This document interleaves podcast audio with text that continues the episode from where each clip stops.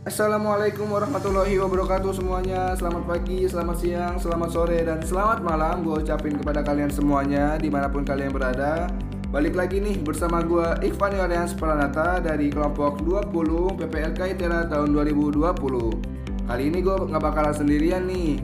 Kali ini gue ditemenin semua teman-teman gue di kelompok 20 PPLK ITERA tahun 2020 Yaitu kelompok Gerak yang tujuannya di podcast kali ini atau di second podcast kelompok kali ini yaitu untuk berbagi informasi kepada kalian.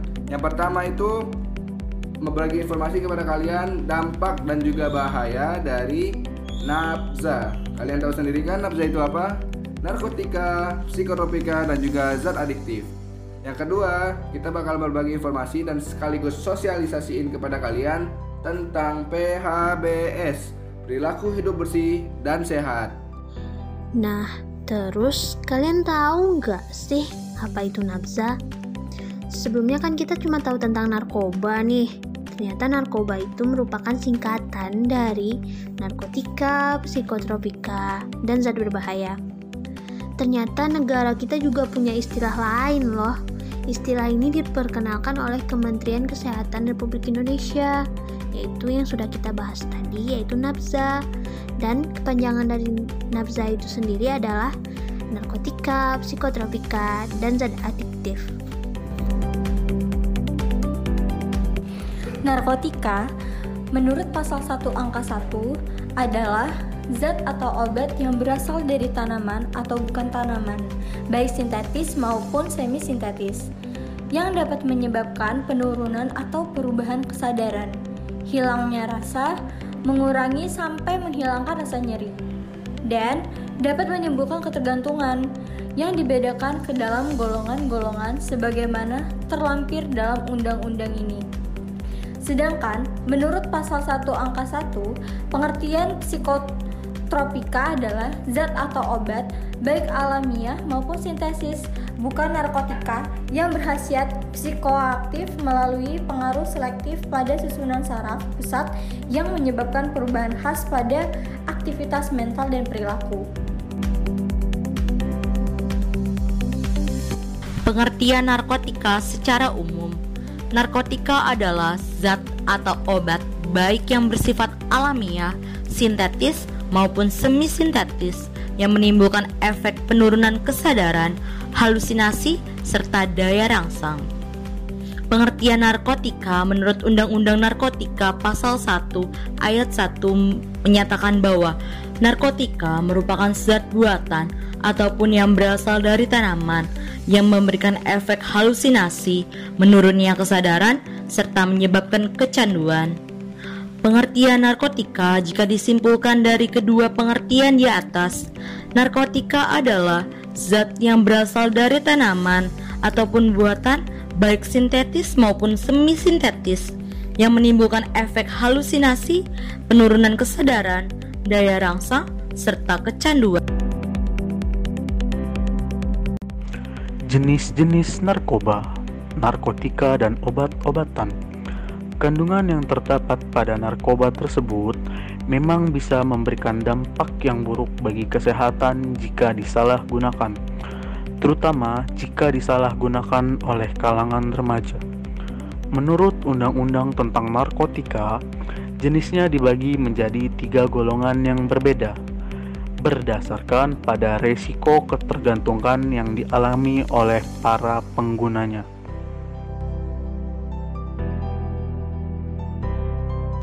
Selanjutnya yaitu golongan narkotika. Golongan narkotika terbagi menjadi tiga. Yang pertama, narkotika golongan satu. Golongan narkotika ini hanya dapat digunakan untuk pengembangan ilmu pengetahuan dan tidak digunakan dalam terapi, serta mempunyai potensi sangat tinggi mengakibatkan ketergantungan. Yang kedua, narkotika golongan dua Golongan narkotika ini berhasiat untuk pengobatan, namun digunakan sebagai pilihan terakhir. Selain itu, dapat digunakan untuk terapi. Juga mempunyai potensi tinggi mengakibatkan ketergantungan. Yang terakhir, narkotika golongan 3. Narkotika golongan ini berhasiat untuk pengobatan dan banyak digunakan dalam terapi. serta mempunyai potensi ringan mengakibatkan ketergantungan.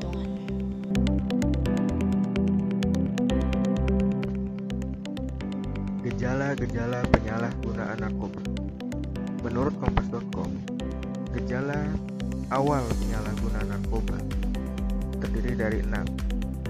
Yang pertama, menjadi malas. Yang kedua, kurang memperhatikan badan sendiri. Yang ketiga, hidup tidak teratur. Yang keempat, tidak dapat memegang kepentingan orang lain.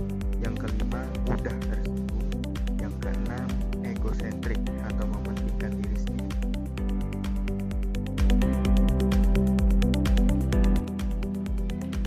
Dampak pribadi pengguna narkotika di antaranya ialah 1.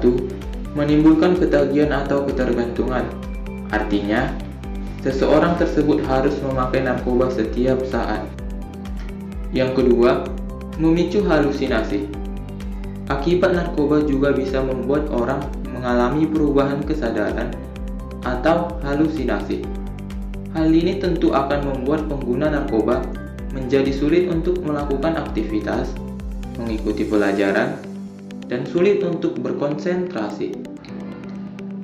Yang ketiga, kerusakan pada fungsi sistem syaraf pusat atau otak.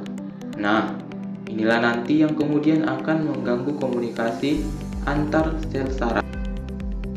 Dan yang terakhir ialah mengakibatkan kematian.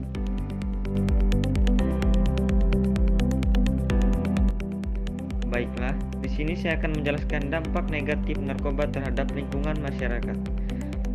Masyarakat yang rawan narkoba tidak memiliki daya tahan, sehingga kesinambungan pembangunan akan terancam. Karena narkoba akan menyebabkan para pemakainya merasa khawatir, cemas, tidak menentu, serta takut berada di dalam keramaian. Dan mereka tidak mau melakukan interaksi maupun bersosialisasi dengan masyarakat sekitar dan sering menutup dirinya. Walaupun dampak sosial yang dapat dirasakan oleh pengguna narkoba sangatlah terasa, tetapi jumlah pengguna narkoba di Indonesia setiap tahun terus bertambah. Dikutip dari tirto.id, kurang lebihnya jumlah pengguna narkoba di Indonesia sampai tahun 2019 mencapai 3.600.000 jiwa, dengan peningkatan sebesar 0,03 persen dibandingkan tahun sebelumnya. Yang membuat miris adalah banyak remaja yang sudah memulai mencoba-coba narkoba. Bahwa ketentuan tentang larangan yang tergolong sebagai tindak pidana narkotika terdapat dalam bab 15 pasal 111 sampai dengan pasal 148 Undang-Undang Nomor 35 Tahun 2009 tentang narkotika. Pasal 111. Setiap orang yang tanpa hak atau melawan hukum menanam, memelihara, memiliki, menyimpan, menguasai atau menyediakan narkotika golongan satu dalam bentuk tanaman dipidana dengan pidana penjara paling singkat 4 tahun dan paling lama 12 tahun dan pidana denda paling sedikit 800 juta dan paling banyak 8 miliar. Psikotropika merupakan obat-obatan baik itu yang diracik sendiri maupun yang didapatkan dari alam. Obat-obatan ini memberikan pengaruh yang berbeda pada susunan saraf pusat sehingga apabila seseorang mengkonsumsinya akan terjadi perubahan yang sangat khas pada mental dan sikap pengkonsumsi. Psikotropika dibagi ke dalam tiga jenis sesuai dengan pengaruh yang akan terjadi. Yang pertama, stimulan. Stimulan merupakan golongan obat yang sangat efektif dalam memberi rangsangan terhadap otak, seperti menghambat perasaan lapar, memicu kerja jantung, dan dapat membuat pengkonsumsi menjadi hiperaktif. Yang kedua, depresan. Depresan merupakan jenis obat yang membuat kesadaran seseorang menurun dan selalu merasa tertekan. Yang ketiga, halusinogen. Halusinogen merupakan jenis obat yang membuat pengkonsumsi selalu merasa seperti di awang-awang.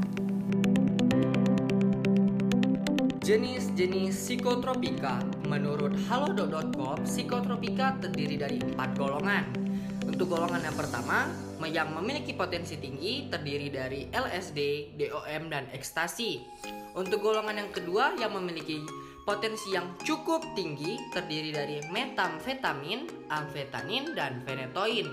Untuk golongan yang ketiga yang memiliki potensi sedang terdiri dari megadon, buprenorfin, dan amobarbital. Untuk golongan keempat yang memiliki potensi yang sangat kecil terdiri dari lexaton, pil, koplo, sedatif, dan hipnotika. Jadi teman-teman udah pada tahu belum nih efek dari penggunaan obat psikotropika? Ayo, udah pada tahu belum? Kalau belum tahu, yuk gue kasih tahu. Ternyata teman-teman, efek dari penggunaan obat psikotropika itu buruk banget loh.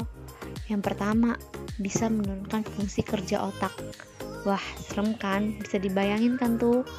Yang kedua, merangsang susunan saraf pusat yang dapat menimbulkan halusinasi yang berlebih, berilusi, dan dapat menyebabkan gangguan cara berpikir.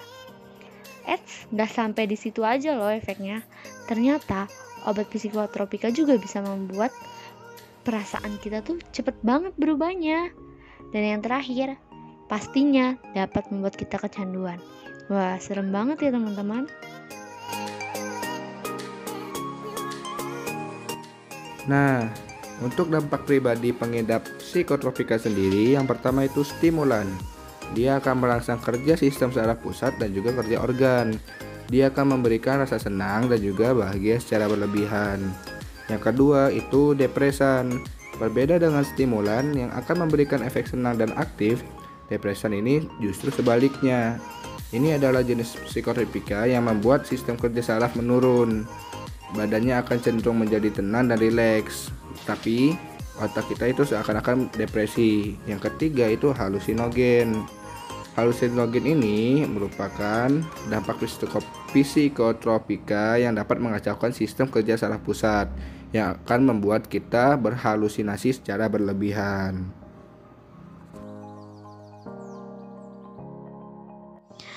Hai guys, aku mau ngasih tahu nih gimana sih dampak kita sebagai pengguna psikotropika di lingkungan masyarakat.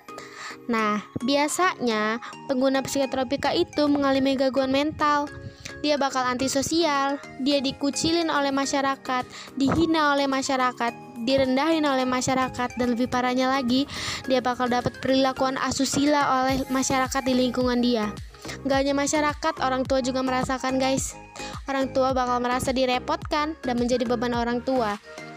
Nah, terus nih buat kalian pengguna-pengguna psikotropika ini, misalnya kalian dulu punya cita-cita jadi dokter, arsitektur, pilot, kalian gak akan bisa guys kalau kalian jadi pengguna psikotropika.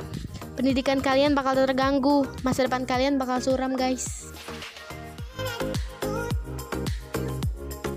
Menurut pasal 59 UU nomor 5 tahun 1997 tentang psikotropika ditegaskan bahwa menggunakan, memproduksi, mengedarkan, mengimpor, memiliki, menyimpan, dan atau membawa psikotropika golongan 1 dipidana dengan pidana penjara paling singkat 4 tahun, paling lama 15 tahun, dan pidana denda paling sedikit 150 juta rupiah dan paling banyak 750 juta rupiah.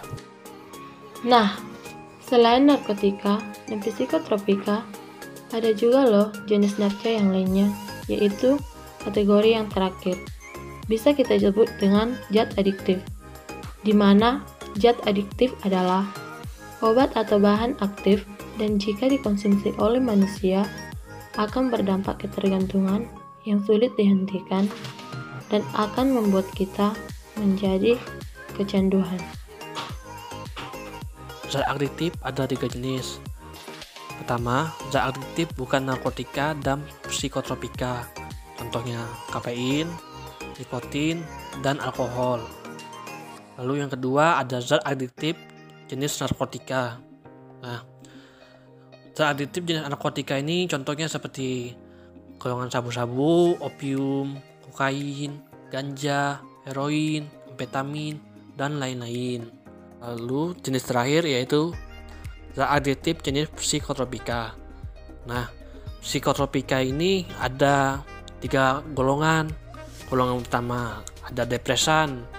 Nah, contohnya kayak pil BK, Rofol, Megadon, Valum, dan lain-lain. Lalu golongan kedua ada stimulan. Golongan stimulan contohnya seperti MDMA. Lalu golongan terakhir itu halusinogen. Nah, golongan halusinogen contohnya seperti ganja, kecubung, dan lain-lain. Adapun gejala yang ditimbulkan oleh pemakaian zat adiktif ialah satu, lamban dalam bekerja. Kedua, hilang kepercayaan diri. Ketiga, agitatif atau menjadi ganas dan dalam bertingkah laku. Keempat, sulit berkonsentrasi. Kelima, cenderung menyakiti diri sendiri. Keenam, gangguan mental, yaitu antisosial dan asusila. Ketujuh, sangat sensitif dan mudah bosan. Dampak penggunaan zat adiktif pada diri pribadi adalah menyebabkan ketergantungan psikis dan juga dapat menimbulkan kerusakan hati, penurunan daya ingat, penurunan tekanan darah. Zat adiktif tidak hanya terdapat pada narkotika, tetapi di dalam kopi dan rokok terdapat zat adiktif. Tentu saja penggunaan zat adiktif ini berdampak kepada sosial sekitar. Kita mulai dari yang paling kecil itu di lingkungan keluarga. Keluarga kita yang biasanya nyaman dan tentram dan damai mulai terganggu karena sering terjadi pertengkaran. Kita yang mengkonsumsi menjadi aib keluarga, lalu mulai terjadi kesulitan keuangan. Lalu berikutnya itu juga ada di lingkungan sekolah. Bisa saja kita putus sekolah atau berhenti kuliah. Motivasi belajar kita kurang, kita tidak ada semangat untuk melanjutkan pendidikan lagi. Lalu di tingkat berikutnya itu ada di lingkungan masyarakat lingkungan masyarakat mulai tercipta pasar gelap antara pengedar dan bandar yang mencari pengguna atau mangsanya. Jadi pengedar memanfaatkan para penggunanya yang remaja atau siswa yang tidak memiliki uang lebih untuk mengedarkan barang-barang tersebut sehingga mereka tidak akan tertangkap dan para pengedar ini mendapatkan narkoba juga. Itu saja sih. Terima kasih. Beberapa zat adiktif memang sudah diberi pengamanan oleh pemerintah dengan undang-undang. Namun masih saja ada orang yang sengaja menyalahgunakan zat adiktif tersebut, misalnya dicampurkan ke dalam makanan. Hal ini dapat dilakukan beberapa pendukung yaitu melakukan pengawasan, pembinaan, dan penarikan makanan tidak sesuai syarat dan mengandung bahan berbahaya. Hal ini sesuai dengan Undang-Undang Nomor 23 Tahun 1992 tentang Kesehatan, Undang-Undang Nomor 8 Tahun 1999 tentang Perlindungan Konsumen, Peraturan Pemerintah Nomor 28 Tahun 2004 tentang Keamanan dan Mutu Gizi Pangan, SK Menkes RI Nomor 453 garis miring Menkes garis miring per garis miring 11 garis miring 1983 tentang bahan berbahaya. Dinamika penyalahan narkoba tidak selalu dipandang sebagai kasus kriminal, akan tetapi secara edukatif perlu adanya tindakan preventif dan kuratif melalui internalisasi nilai pendidikan Islam. Karena tujuan utama pendidikan adalah membina manusia secara seimbang antara jasmani, akal, dan kalbunya sehingga terpenuhi unsur spiritual, psikologi, jasmani, serta sosial ketika manusia tersebut sadar secara mental mereka memiliki kemauan serta pedoman sehingga mampu keluar dari masalah yang membebani. PHBS merupakan kependekan dari perilaku hidup bersih dan sehat. Sedangkan pengertian PHBS adalah semua perilaku kesehatan yang dilakukan karena kesadaran pribadi sehingga keluarga dan seluruh anggotanya mampu menolong diri sendiri pada bidang kesehatan serta memiliki peran aktif dalam aktivitas masyarakat. Perilaku hidup bersih dan sehat pada dasarnya merupakan sebuah upaya untuk menularkan pengalaman mengenai perilaku hidup sehat melalui individu, kelompok, ataupun masyarakat yang luas dengan jalur-jalur komunikasi sebagai media berbagai informasi. Tujuan PHBS adalah mencapai rumah tangga sehat setiap anggota keluarga menjadi sehat, tidak mudah sakit, anak tumbuh sehat dan cerdas, serta anggota keluarga giat kerja. Meningkatkan pengetahuan, kemauan, dan kemauan anggota rumah tangga untuk melaksanakan PHBS. Berperan aktif dalam gerakan PHBS di masyarakat. Selain itu, meningkatkan pengetahuan, kesadaran, dan kemauan masyarakat untuk hidup bersih dan sehat. Memperdayakan masyarakat dalam memelihara, meningkatkan, dan melindungi kesehatannya sehingga masyarakat sadar dan mampu secara mandiri ikut aktif dalam meningkatkan status kesehatannya dan juga meningkatkan kualitas hidup. Ada beberapa indikator PHBS, antara lain menggunakan air sehat, mencuci tangan dengan air dan sabun, menggunakan toilet yang sehat dan bersih, memberantas jentik nyamuk, dan terakhir, tidak merokok dalam rumah. Tatanan PHBS Ternyata, tatanan PHBS melibatkan elemen yang sudah menjadi bagian dari tempat beraktivitas dalam kehidupan sehari-hari loh. Apa aja sih? Macam-macam tatanan PHBS dan dapat menjadi simpul untuk memulai penyadaran tentang perilaku hidup bersih dan sehat. Yuk kita simak. Yang pertama, PHBS di rumah tangga. Lalu yang kedua adalah PHBS di sekolah. Yang ketiga adalah PHBS di tempat kerja. Yang keempat, PHBS di sarana kesehatan. Dan yang terakhir adalah PHBS di tempat umum. Manfaat PHBS adalah meningkatkan kesadaran masyarakat untuk mau menjalani hidup bersih dan sehat. Hal tersebut agar masyarakat bisa mencegah dan menanggulangi masalah kesehatan. Selain itu pula, dengan menerapkan PHBS, masyarakat mampu menciptakan lingkungan yang sehat dan meningkatkan kualitas hidup. Manfaat PHBS di sekolah. PHBS di sekolah merupakan kegiatan yang memberdayakan siswa, guru, dan masyarakat di lingkungan sekolah untuk melakukan pola hidup sehat agar terciptanya suatu sekolah yang sehat. Manfaat PHBS di lingkungan sekolah itu sendiri yaitu mampu menciptakan lingkungan yang bersih dan sehat, meningkatkan proses belajar dan mengajar, serta para siswa guru hingga masyarakat lingkungan sekolah menjadi sehat. Manfaat PHBS di rumah tangga adalah menerapkan PHBS di rumah tangga tentu akan menciptakan keluarga sehat dan mampu meminimalisir masalah kesehatan. Manfaat PHBS di rumah tangga antara lain setiap anggota keluarga mampu meningkatkan kesejahteraan dan tidak mudah terkena penyakit. Rumah tangga sehat mampu meningkatkan produktivitas anggota rumah tangga dan manfaat PHBS rumah tangga. Selanjutnya adalah anggota keluarga terbiasa untuk menerapkan pola hidup sehat dan anak dapat tumbuh sehat dan tercukupi gizi. Teman-teman, di sini aku akan memberitahu kalian bagaimana cara untuk menerapkan perilaku hidup bersih dan sehat di tempat kerja. Yang pertama adalah tidak merokok di tempat kerja, Kedua, membeli dan mengkonsumsi makanan dari tempat kerja. Ketiga, melakukan olahraga secara teratur atau aktivitas fisik. Keempat, mencuci tangan dengan air bersih dan sabun sebelum makan dan sesudah buang air besar dan buang air kecil. Kemudian, ada manfaat PHBS di masyarakat. Manfaat PHBS di masyarakat adalah masyarakat mampu menciptakan lingkungan yang sehat, mencegah penyebaran penyakit, masyarakat memanfaatkan pelayanan fasilitas kesehatan yang bersumber dari masyarakat. Selanjutnya ada indikator PHBS di sekolah. PHBS di sekolah merupakan langkah untuk memberdayakan sekolah agar bisa dan mau melakukan perilaku hidup bersih dan sehat dalam menciptakan sekolah yang sehat.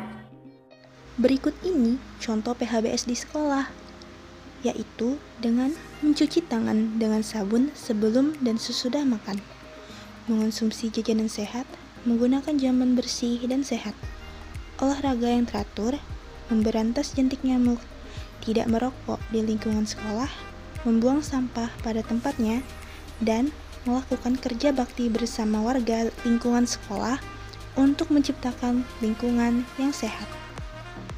PHBS di rumah tangga adalah upaya untuk memberdayakan anggota rumah tangga agar hidup bersih dan sehat. Berikut 10 PHBS di rumah tangga yaitu Yang pertama, persalinan ditolong oleh tenaga kesehatan Kedua, memberi bayi ASI eksklusif Yang ketiga, menimbang bayi dan balita Yang keempat, menggunakan air bersih. Yang kelima, mencuci tangan dengan air bersih dan sabun. Yang keenam, menggunakan jamban sehat. Yang ketujuh, memberantas jentik di rumah. Yang kedelapan, makan buah dan sayur setiap hari. Yang kesembilan, melakukan aktivitas fisik setiap hari. Kesepuluh, tidak merokok di dalam rumah.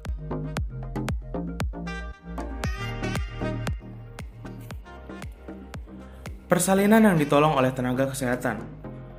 Persalinan yang mendapat pertolongan dari pihak tenaga kesehatan, baik itu dokter, bidan, ataupun para medis, memiliki standar dalam penggunaan peralatan yang bersih, steril, dan juga aman. Langkah tersebut dapat mencegah infeksi dan bahaya lain yang beresiko bagi keselamatan ibu dan bayi yang dilahirkan. Pemberian ASI eksklusif. Kesadaran mengenai pentingnya ASI bagi anak di usia 0 hingga 6 bulan menjadi bagian penting dari indikator keberhasilan praktek perilaku hidup bersih dan sehat pada tingkat rumah tangga. Oh iya, tak hanya itu juga. Menimbang bayi dengan teratur pun sangat dibutuhkan agar mengetahui kondisi fisik bayi untuk menghindari dari segala penyakit.